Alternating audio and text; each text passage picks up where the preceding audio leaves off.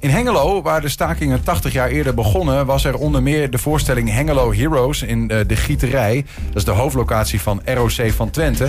En daar gaat Hengelo Heroes begin volgend jaar op herhaling. Bij ons aan tafel is de bedenker van Hengelo Heroes. Dat is Antek Olsvanowski en Jeanette Lodewegen. Zij is voorzitter van de organiserende stichting Bernardse Ontmoeting.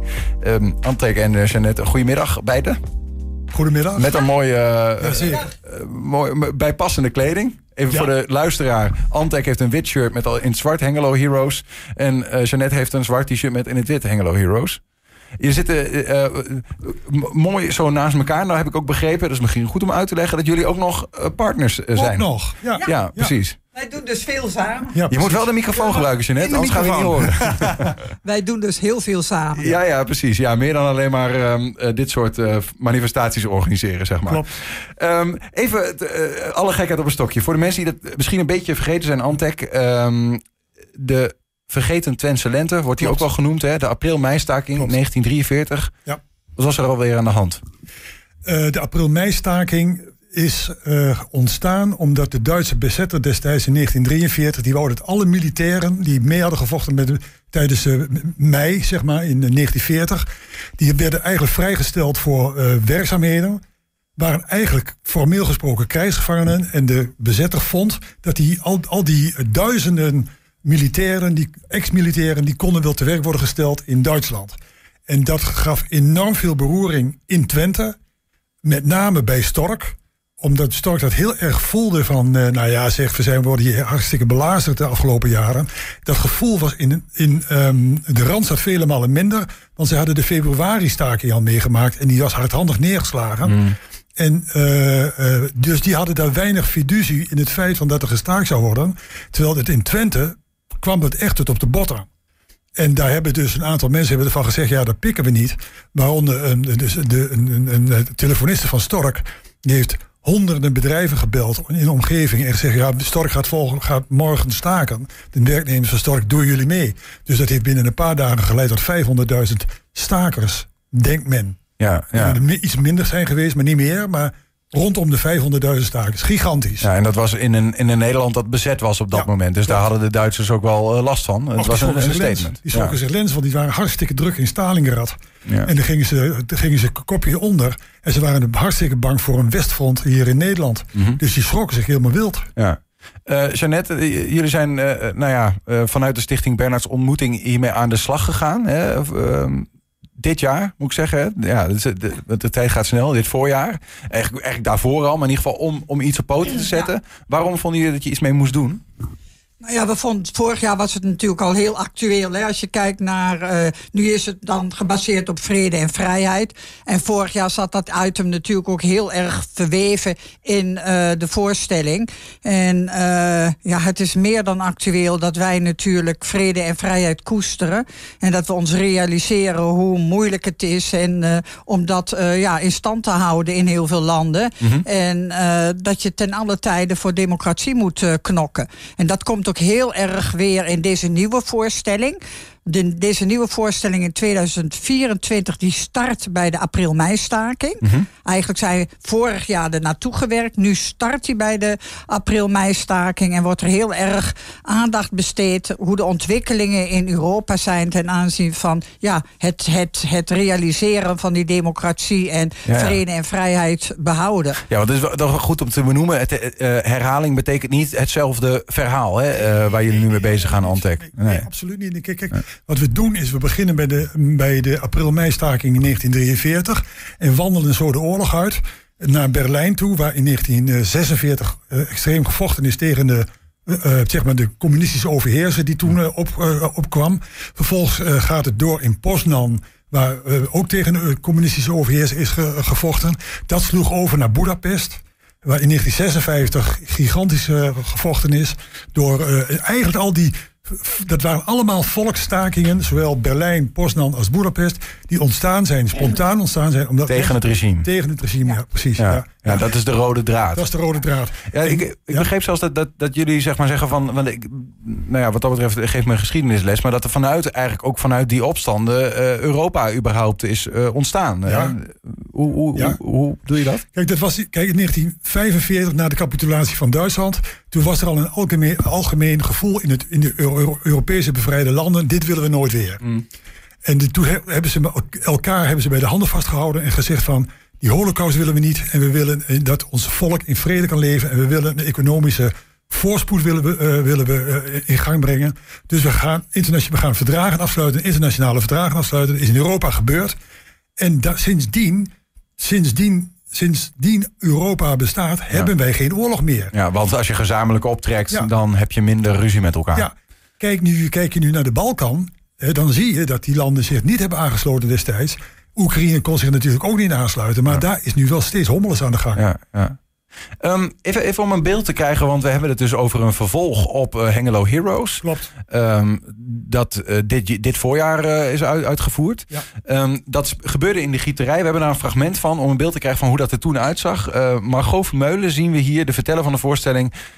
die dus drie jonge stakers, en dat zijn dan acteurs bij deze, hè, van de opstand uit 1943 aan het woord Het laat. zijn acteurs van het ROC van Twente. Goed om te benoemen. Alle drie waren ze nog onder de twintig. Joachim, Femi en Tjitte. En toch deden ze het.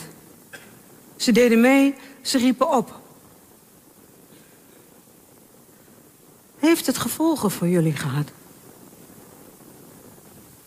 Absoluut. Absoluut. Tjitte, wat heb je ervan gemerkt?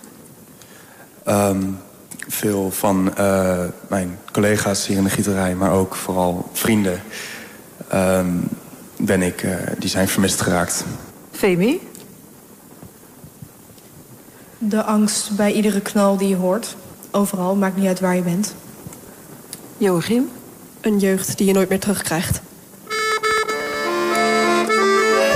Eh, een stukje. eh, zij, zij hebben het hier over de nasleep, denk ik, van die staking, hè, Antek? Ja, Want dat was niet mals hoe de Duitsers daarmee Die zijn omgingen. behoorlijk tekeer te gaan, ja, absoluut. Die hebben natuurlijk, zoals ik net al zei, ze waren do- doodsbang voor een Westfront. Ja. En die hebben natuurlijk eh, extreem hard hebben ze opgetreden tegen de bezetter, of tegen de, tegen de stakers. Mhm. En het heeft geleid dat tot, tot op de dag vandaag nog steeds 400 mensen vermist zijn, die nooit meer teruggevonden zijn. Ja. Dat was ook een tactiek van de, van de, van de, van de, van de Duitsers, of van de, van de bezetter, om mensen eh, met nacht en nebel te laten verdwijnen.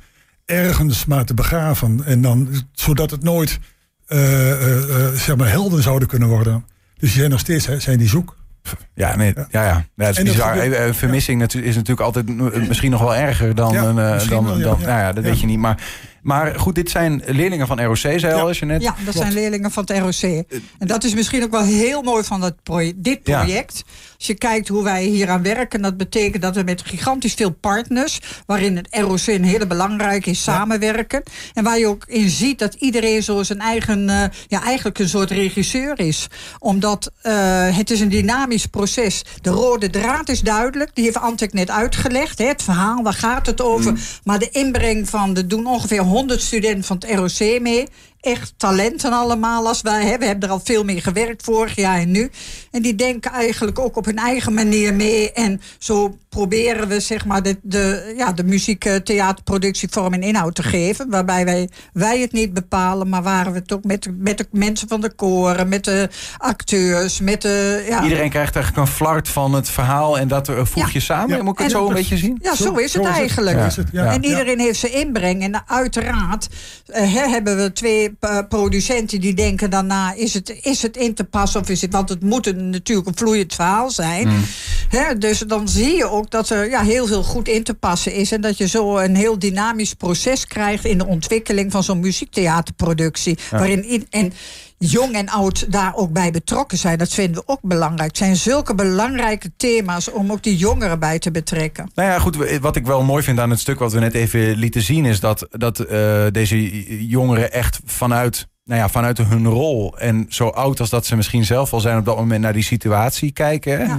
Ik bedoel, misschien wordt een situatie wel niet levendiger voor jou op zo'n moment... dan dat je in die eh, situaties die rol speelt. Ja. Wat, wat zie je gebeuren, Antek, met dit soort eh, jongeren... als ze op deze manier naar de geschiedenis kijken? Nou, wat mij dus, eh, wat ik eigenlijk heel bijzonder vind, is van dat zij leren om naar, de, naar, om naar het verleden te kijken. Hè, want dat wordt natuurlijk heel vaak vergeten. Hè. We zitten in, met, met, onze, met, met onze poten in de klei en kijken naar de toekomst. Maar je moet wel het verleden kennen om een toekomst, toekomst te kunnen duiden. Wij komen ergens vandaan. Ja. Onze geschiedenis komt ergens vandaan. Die Tweede Wereldoorlog komt ergens vandaan. Die, die ontstond ergens door. En als je die lijn doortrekt, dan kan je al bijna uittekenen wat er in de toekomst gaat gebeuren. En dat is denk ik heel belangrijk. Hè? Van dat, je, dat je dus weet van die democratie die we toen hebben neergezabeld, of uh, die neergezabeld werd.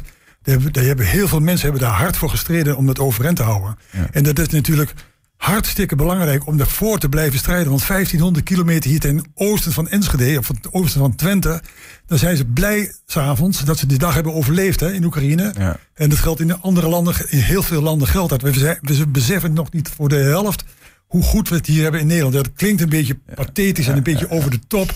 Maar zo is het natuurlijk eigenlijk wel. Hè? Maar was dit, was dit dan ook de, deze overtuiging hè, die je hierin hebt? Was Ja. dat ook de reden dat je zegt van ja, dit moet een vervolg krijgen? Of was het überhaupt gewoon dat het project zo succesvol was dat je zegt ja, wat is de reden geweest dat er nu een, een vervolg komt? eh, Nou, beide. Het was ontzettend succesvol. We, hebben, eh, we waren vorig jaar van plan, of dit jaar in het voorjaar van plan om één, eh, één avond een uitvoering te doen. Ik geloof binnen drie weken waren de, alle 400 kaarten verkocht. En hebben we nog heel erg snel kunnen zorgen dat we een tweede voorstelling deden. Ja. En dat is we hebben zo ontzettend veel reacties gehad dat mensen daar zo van onder de indruk waren. Ik zat zelf naast een mevrouw die zelf de oorlog mee heeft gemaakt. Nou, ik denk, die, heeft echt, die heb ik wel zes keer moeten troosten tijdens de voorstelling. Hè. Dat is ook, het kwam zo binnen en het was zo levensecht verhaal en zo indringend.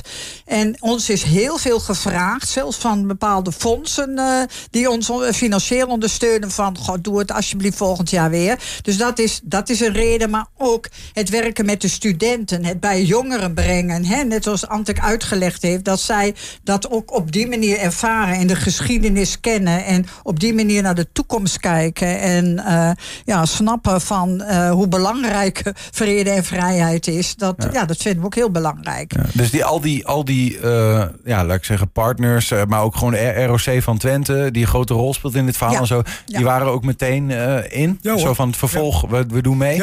Studenten, idem dito, zeg maar, zijn die daar ook persoonlijk bij? Of hebben ze meer van, ja, ja, ik moet dat voor mijn opleiding doen? Of heb je ook studenten die echt zeggen... Nee, ik moet, sterker nog, we hadden vorig, vorig jaar, bij de vorige voorstelling hadden we vier eh, afdelingen van het, van het ROC. Nou zijn het er vijf. Dus het, er is, eh, de podiumacademie van eh, Almelo is erbij gekomen. Dus dat zegt ook wel iets, denk ik, van eh, eh, dat je in staat bent om een eigen tijdsproduct een maatschappelijk thema aan de orde te stellen. Ja. Zonder moraliserend te zijn. Want dat is natuurlijk een beetje vaak het punt van dat je met opgeheven wijsvingertje gaat zeggen van eh, eh, dames en heren, het moet op deze en deze wijze. Maar dat is niet de juiste weg. Je moet wel, het moet wel een soort ervaren leren zijn van dat jij, dat, dat jij voelt, invoelt van dat je op de goede weg bent. Ja, ja. Ik, nog heel even, eh, want je, je zei net van eh, die leerlingen, het is goed om, eh, nou ja, om als mens, maar ook als leerling van ROC van Twente, om, te begrijpen, om het geschiedenis te begrijpen, om ook de, de toekomst te kunnen begrijpen, of het heden. Ja. Daarover gesproken, in 2024 zijn de Europese verkiezingen. Klopt? En die zijn op de dag dat D-Day 80 jaar 6 juni. achter de rug is. Klopt. Dat is volgens jou ook geen, geen toeval. Nou, ik vind het wel heel verwonderlijk. Want kijk, die, die, die 6 juni, dat is natuurlijk een, eh, gegrift in ons eh, collectief bewustzijn, zal ik maar zeggen. Want het was de dag dat honderdduizenden militairen, die, namen een, die maakten de oversteek. eh, wetende van dat, ze, dat velen van hen op het strand van Oklahoma Beach zouden worden neergemaaid. Omaha. O- Omaha Ja. Beach was het, hè? ja, daar had je Ja. verschillende beaches. had Oklahoma daar. Beach had je ook? Had je volgens mij ook. Ah, ja. Duizenden zijn daar meer neergemaaid voor onze vrijheid. En dat, dat is, valt, valt niks meer over te zeggen. Ja, ja, maar goed, daar zit, daar zit dus wel die brug, Ja, wat jou zeker. betreft, met Ja. het Europa van nu. Ja. Van, Ja, hè, we staan op tegen eh, Ja. eh, onderdrukking. Ja, precies. Ja.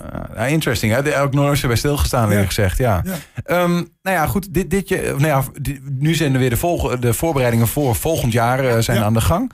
Ehm, i- wordt, wordt dit een soort van jaarlijkse traditie? eh, ja, wie zal het zeggen? Tot de wereldvrede is? Of hoe Nou, dat zien? is mooi dat je het vraagt. In principe eh, hebben wij wel eh, het voornemen om het eh, ieder jaar te doen. In ieder geval een muziektheaterproductie.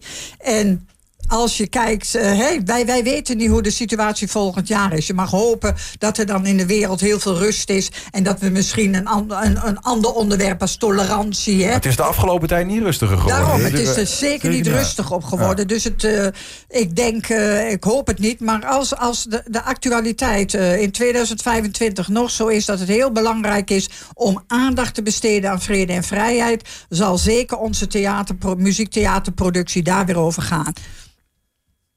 Dus we gaan, uh, ja. Kaarten verkrijgbaar via Schouwburg Hengelo. De voorstellingen zijn op dinsdagavond 12 maart, woensdagavond 13 maart en donderdagavond 14 maart. Goed dat je dat nog even hebt uh, toegevoegd. Ja, voor is er snel bij, zou ik zeggen, want vorig jaar ging het heel snel. En die, die zijn nu al te verkrijgen dus? Nu al te verkrijgen, ja. ja. nou, succes uh, dan ook met het, want ja, die mensen komen waarschijnlijk. Hè, dan moet je ook een stuk hebben. Succes met het tot stand brengen daarvan. Antek Olsenowski en Jeanette Lodewegers. Dank voor jullie komst. Ja. En ook heel veel plezier vooral met de, de voorbereiding daar naartoe. Dankjewel. Zeker, dankjewel hoor.